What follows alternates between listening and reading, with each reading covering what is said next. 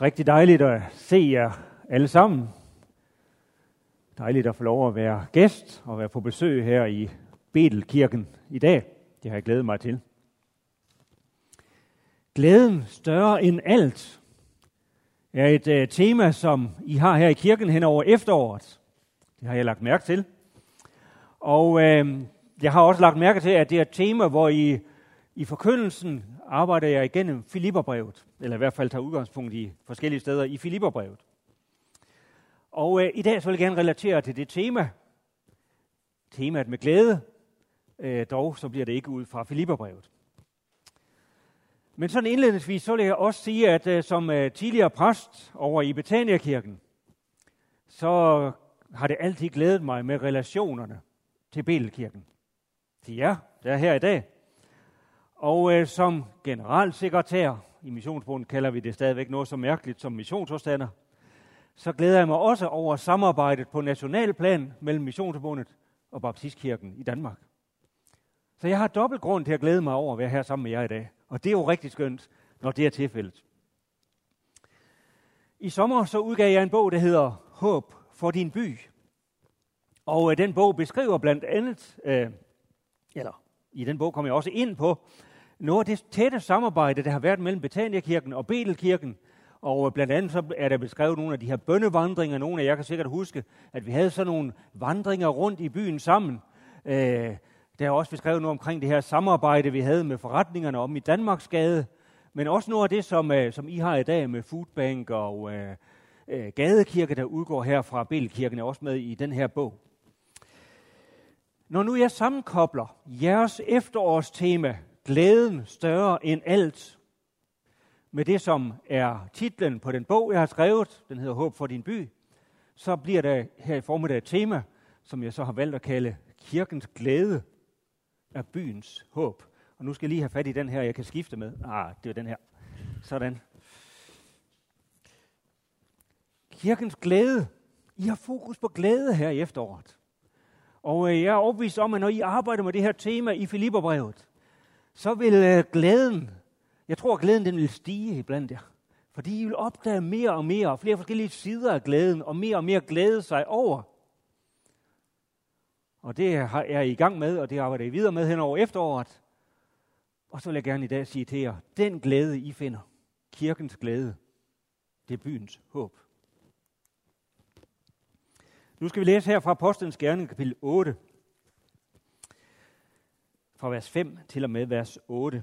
Philip tog ned til byen Samaria, eller byen i Samaria, og prædikede for dem om Kristus. Og i folkeskarne var alle som en optaget af det, som Philip sagde, når de lyttede til ham og så de tegn, han gjorde. For mange af dem, der var besat af urene ånder, dem får de ud af med høje råb og skrig, og mange lamme og halte blev helbredt, og der blev stor glæde i den by. Kunne du tænke dig at bo i en by, der er fyldt med glæde? Det vil da være dejligt, vil det ikke? Men hvad er virkeligheden i vores by? Jo, selvfølgelig finder vi glæde i byen. Men vi finder også rigtig meget andet. Vi finder også mismod, bedrøvelse, angst, depression. Øh, vi finder øh, alle mulige kriser, livskriser, øh, narkomani, prostitution, øh, vold og alt muligt, som stjæler glæden fra byens borgere. Så rigtig mange mennesker i vores by længes efter glæden, men ved måske ikke, hvor de skal finde den. Sådan er det også alle mulige andre steder. Det er ikke bare i Aalborg. Men der findes en vej til glæde, og den vej er Selvfølgelig. Jesus. For Jesus sagde, jeg er vejen og sandheden og livet. Men der er rigtig mange mennesker, der har vanskeligt ved at finde den vej. Og derfor er der brug for nogle vejskilte. Og vejskiltene er kirken. Og kirken er mennesker, som selv har mødt Jesus. Sådan nogen som dig og mig og som derfor kan vise vej til ham, som når alt kommer til alt, er glædens kilde. Så derfor er kirkens glæde byens håb. Beretningen her fra Samaria, fra byen i Samaria, viser det med al tydelighed. Philip han kommer til den her by. Lidt sjovt, for vi ikke at vide, hvad byen hedder. Den bliver bare omtalt som byen i Samaria. Men Philip kommer til den by i Samaria, og øh, så fortæller han dem om Jesus, eller som der direkte står, han prædikede Kristus for dem. Han prædikede Kristus for dem. På det her tidspunkt, så er Jesus jo vendt tilbage til himlen. Han sidder på tronen. Han er ikke længere fysisk til stede. Han vandrer ikke længere i den forstand øh, på jorden, som han havde gjort sammen med disciplene de her tre år inden hans himmelfart. Det er ikke længere tilfældet. Han er i himlen. Alligevel, så sker der det, at igennem Philips tjeneste i den her by i Samaria, sætter Jesus spor i byen. Han sætter spor i byen, sådan at, at vi i dag har en fortælling om den her by. En fortælling om, at her har Jesus været. Her har Jesus gjort en forskel. Fordi selvom han sad på tronen i himlen, så var det sådan, at når Philip han kom til byen i Samaria, så kom han dybest set ikke alene. Selvom Jesus var på tronen i himlen, så var han også med Philip og satte spor i byen. Spor, som skabte forandring. Så vi læser om, at mennesker blev helbredt, besatte blev befriet osv. Og der blev, og så står der, og der blev stor glæde i den by. Der blev stor glæde i den by. Vi har noget til fælles med Philip. Vi har det til fælles med Philip, at øh, vi også er i en situation, hvor Jesus ikke vandrer fysisk rundt i vores by. Han sidder på tronen i himlen. Men ligesom Philip, så kan vi også være med til at bane vej for hans nærvær, så han kan sætte spor i vores by. Og så mennesker også her kan få lov til at opleve, at han kommer nær, og han gør en forskel. Og for beretningen i Samaria, så springer vi til et ord fra Paulus, fra Romerbrevet kapitel 15 og vers 13.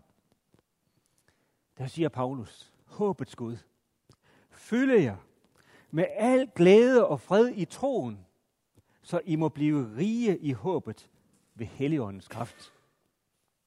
Jamen, hvad var egentlig grunden til, at Philip kunne blive årsag til, at der blev stor glæde i byen i Samaria? Hvad var grunden til det? Ja, grunden til det, det var, at Philip, han havde oplevet det, som Paulus skriver om her. Velvidende, at Paulus først skrev det mange år senere. Men uanset, så har Philip oplevet den her virkelighed. Han har oplevet glæde og fred i troen. Han har oplevet at blive rig i håbet og, og i Helligåndens kraft. Og så kunne han bringe noget med sig ind i den her by. Og der vil jeg gerne sige til dig, som er her i Belkirken i dag, at det budskab, jeg har her i formiddag, det er både et budskab til, til menigheden, til kirken som helhed. Det er et budskab om vores by, men det er også noget til dig på det personlige plan. Og jeg vil gerne sige til dig, den Gud, vi er sammen om her i formiddag, det er håbets Gud. Så uanset hvad din livssituation er i dag, så er det håbets Gud, vi mødes med i dag. Og hos ham, så er der håb ind i enhver situation og til enhver tid. Så måske sidder du her i formiddag og er en person, der har brug for håb ind i dit liv. Så skal du bare vide, at selvom Jesus han sidder på tronen i himlen, så vandrer han også her i vores by. Så er han også til stede her i Betelkirken i formiddagen. Så sætter han også sine fodspor her, og det gør han, fordi han også er her for at bringe håb til dig.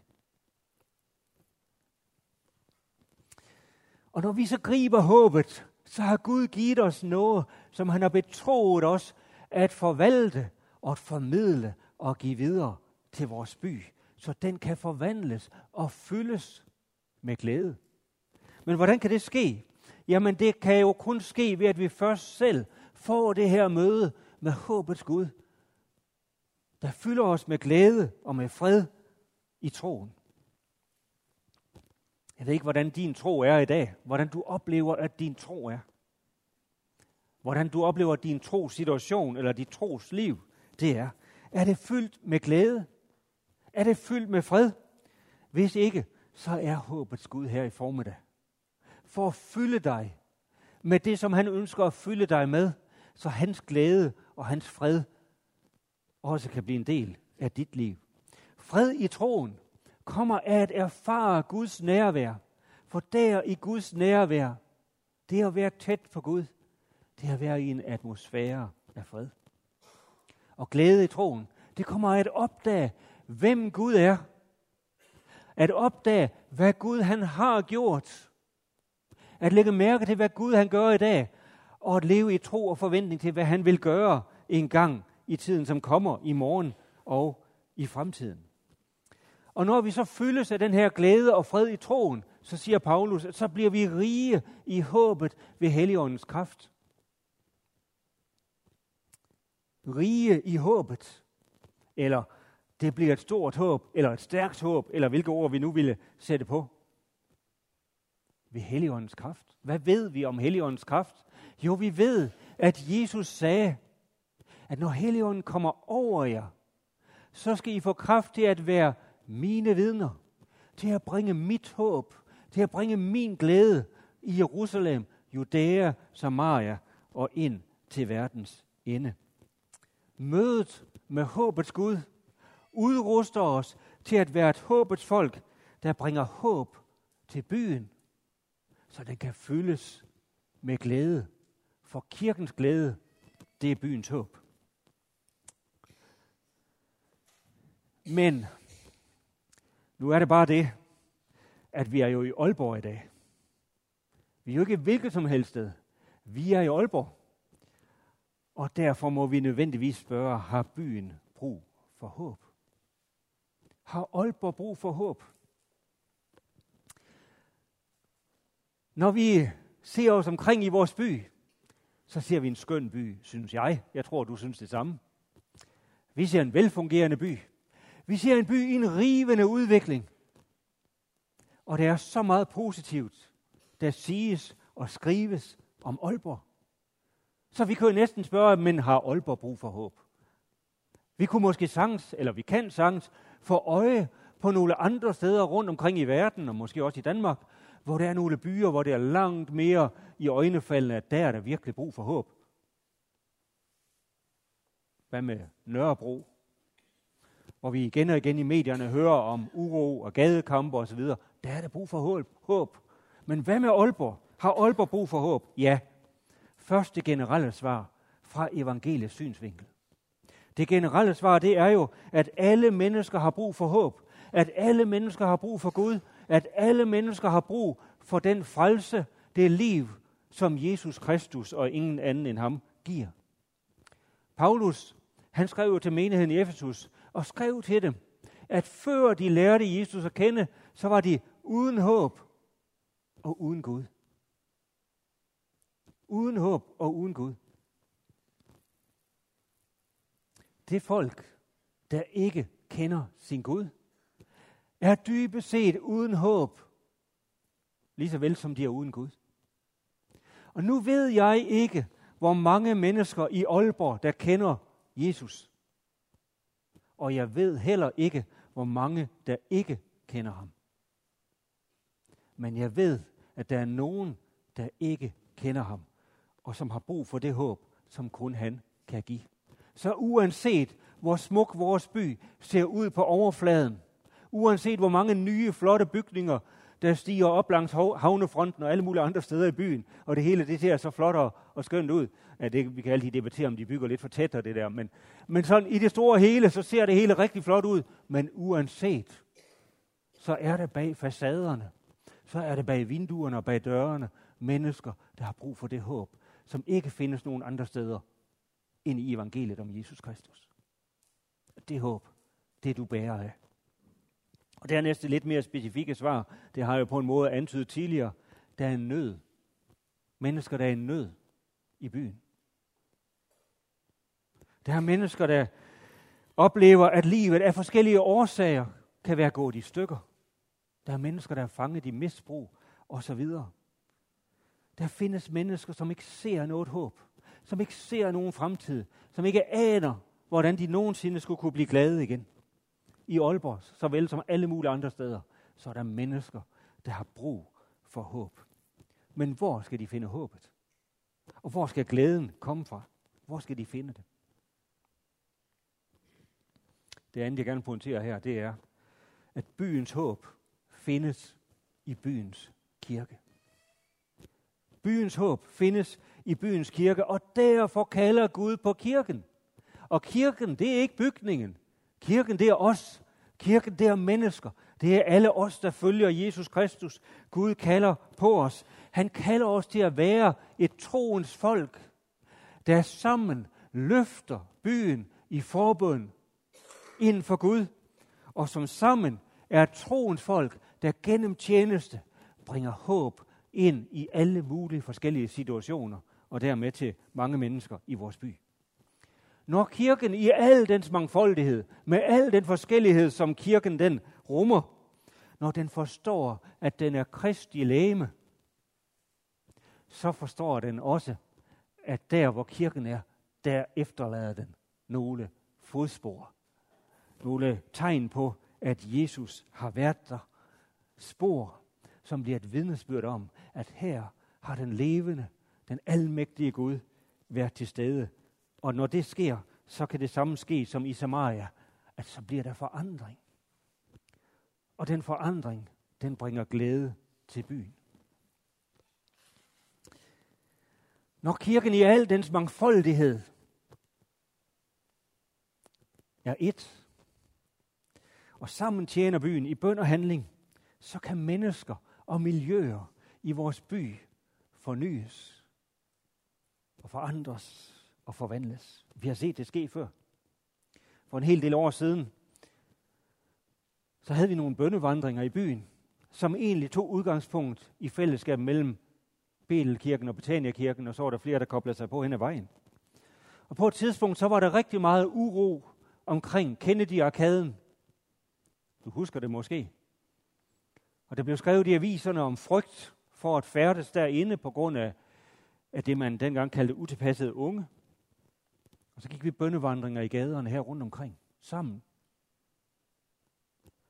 Og var også inde i Kennedy-arkaden nogle gange, og gik stille rundt derinde og bad. Og så efter nogle måneder med forbøn, så udtalte politiet til medierne, at det har været den fredeligste sommer i mands minde. Kære venner, vi kan bringe håb og forandring og glæde til byen. Vi så det også, da vi blev udfordret af en journalist til at bede om, at bandekrigen ikke skulle komme til Aalborg. Og kirkerne rundt omkring i byen var med til at bede, og I var med til at bede om det her i Aalborg, eller her i, i Belkirken.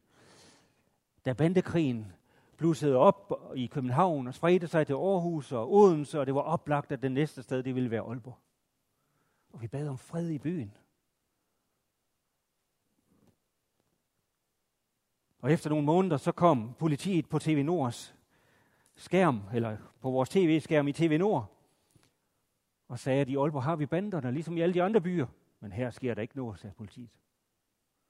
Og så gik der en tid, og så kom der den her overraskende melding, som du måske også husker, fra EU-kommissionen, som åbenbart undersøger øh, livet i europæiske store byer, som har lavet en, en undersøgelse på 75 byer i Europa omkring tryghed, borgernes tryghed, og de konkluderede, efter at kirkerne i Aalborg i nogle måneder havde bedt om fred i byens gader, så konkluderede EU-kommissionen, at Aalborg var Europas fredeligste by. Kirkens eller byens håb findes i kirken. Det har vi. Det bærer vi. Og når vi får det delt ud, når vi får det forvaltet, så kan det også blive til glæde i byen.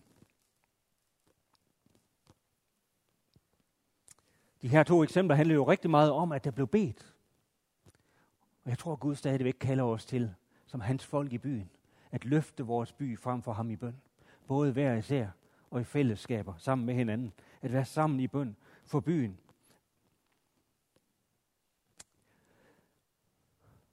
Hvis vi kun beder om, at Gud velsigner de arrangementer, som vi selv har planlagt,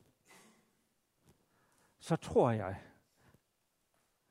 jeg tror faktisk, at vi, hvis vi beder om det, at vi så får det rigtig skønt. Det tror jeg.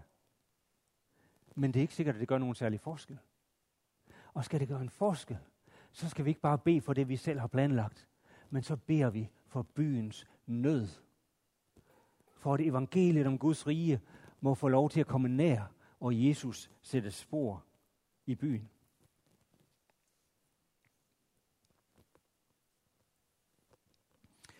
For nogle uger siden, så, så var jeg på besøg nede i, hjemme hos øh, den nye officer i Frelsens her, og drak en kop kaffe sammen med ham og hans kone. Han hedder Kjeld Bergman, er svensker og har været i Aalborg for nogle år siden og kom så tilbage igen.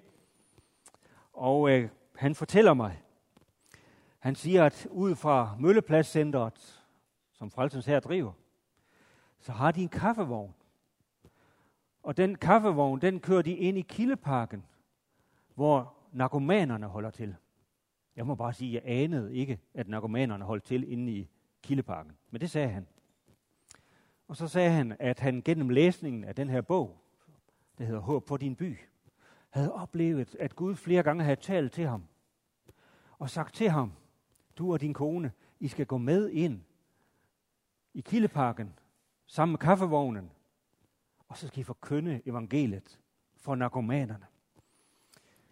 Og så sagde han med troens forventning, og med glimt i øjet, så sagde han, tænk sig, jeg kan ikke sige det på svensk, men øh, det kan du selv tænke dig til, han med sådan lidt svensk accent der. Tænk sig, hvis der bliver vækkelse i Kildeparken.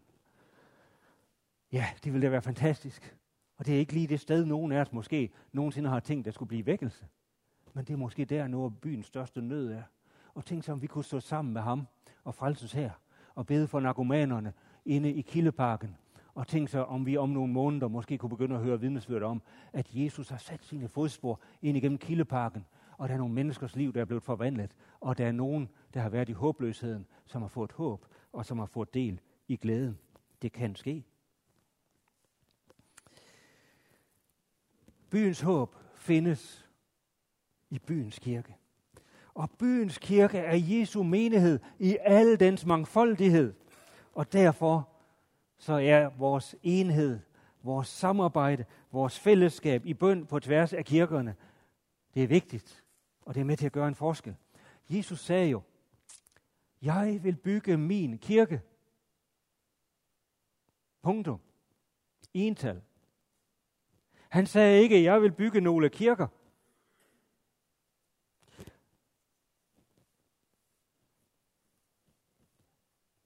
Og man kan ikke tale om, at Jesus har etableret så og så mange kirker.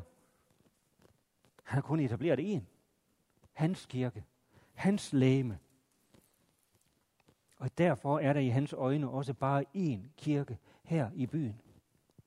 Selvom vi samles på forskellige adresser, i forskellige bygninger og under forskellige navne og alt det her.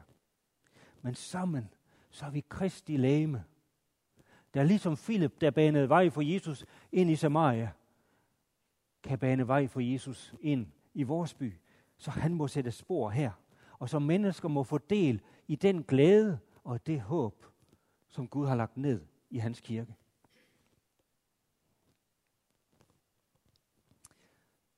For at det kan ske, så må vi have øje for byens nød. Og ved hvad vores risiko er? Jeg tror, at en af, af vores store risici, som, og, og måske især som frikirker, det er, at vi synes, vi får det så godt sammen. Vi har jo den type menighed, vi gerne vil have. Og så har vi det så godt her i vores hus.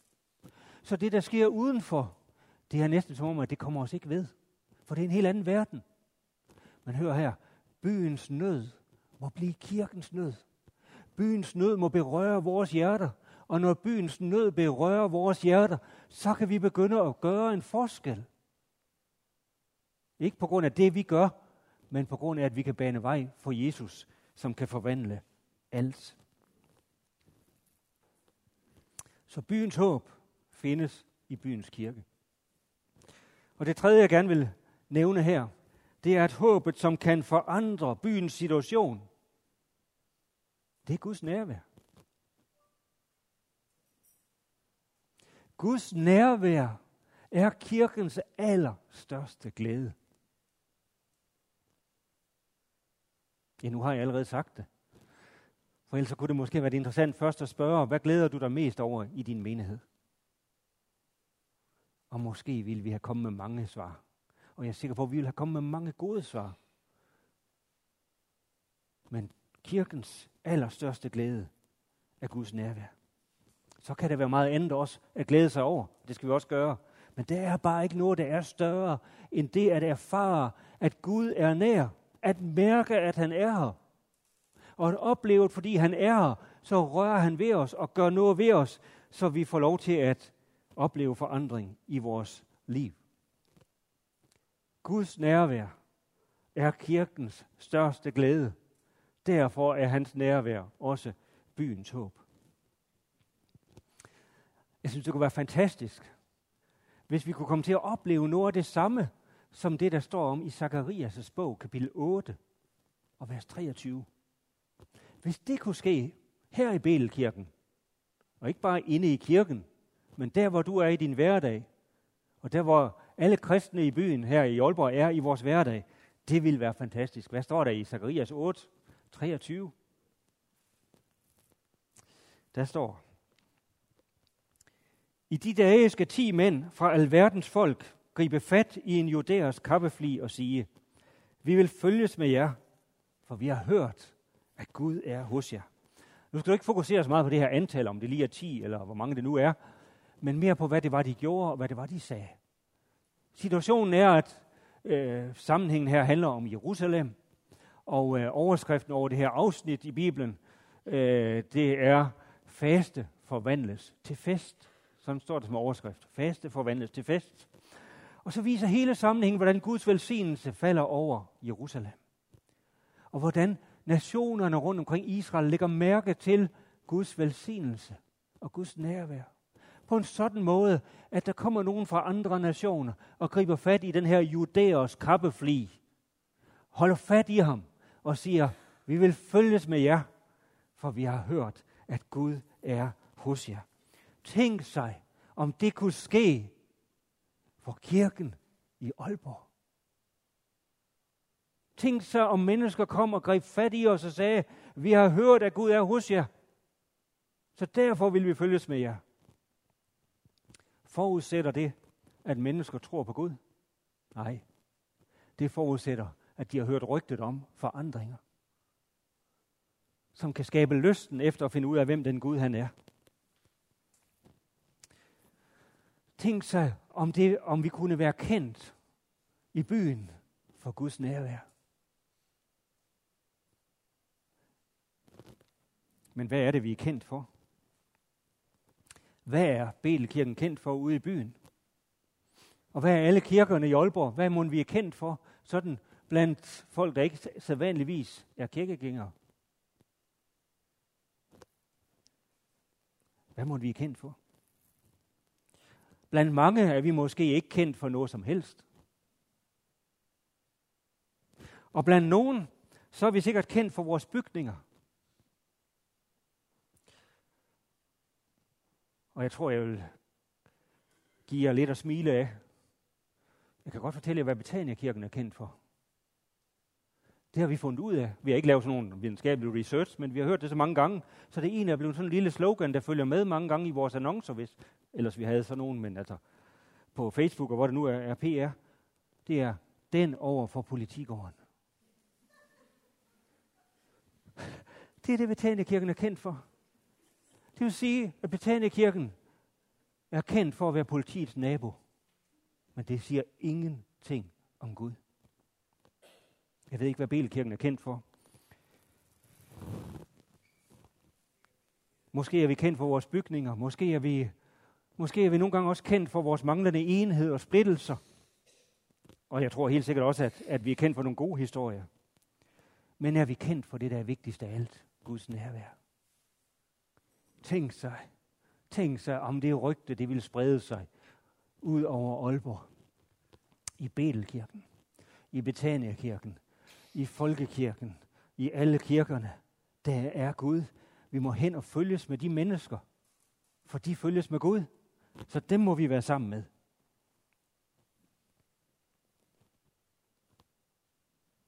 Hvordan kan det blive virkelighed? Hvordan kan det ske? Det begynder med, at vi som hans folk søger Guds nærvær. Men er Gud ikke allerede her? Er han ikke allerede til stede? Skal vi så også søge hans nærvær? Jo, han er her allerede. Det er helt rigtigt. For det første, fordi han jo har sagt, at han er alle steder.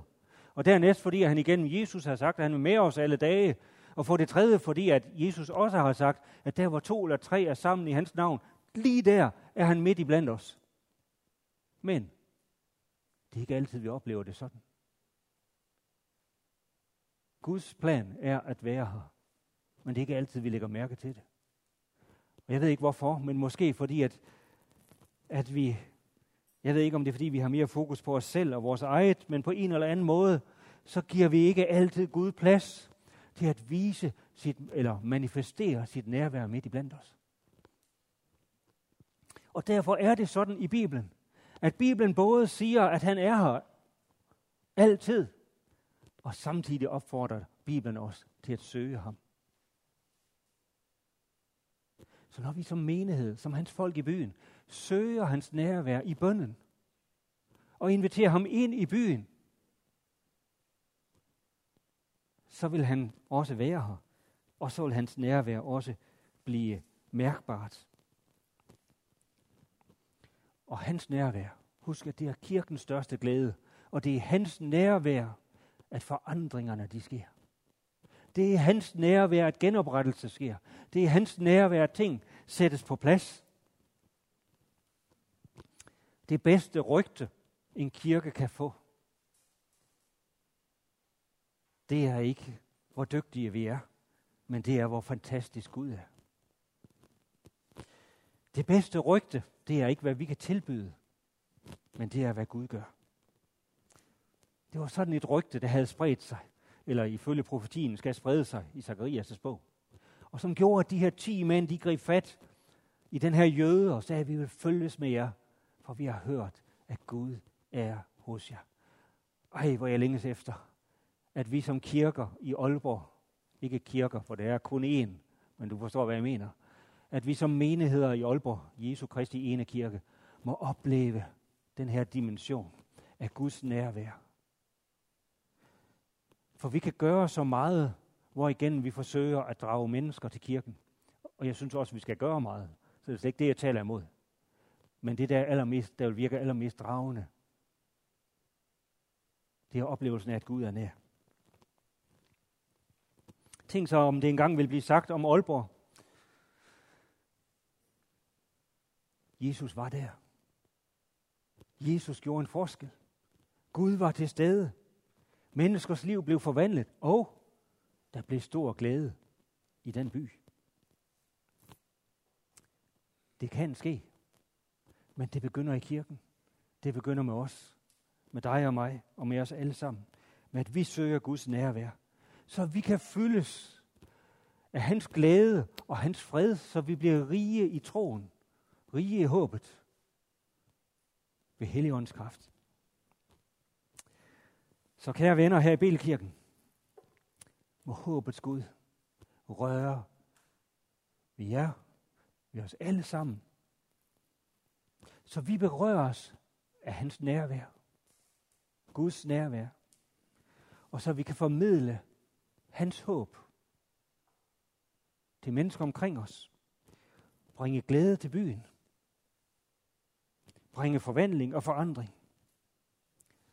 Kirkens største glæde, det er Guds nærvær. Og kirkens glæde er byens håb. Lad os bede sammen.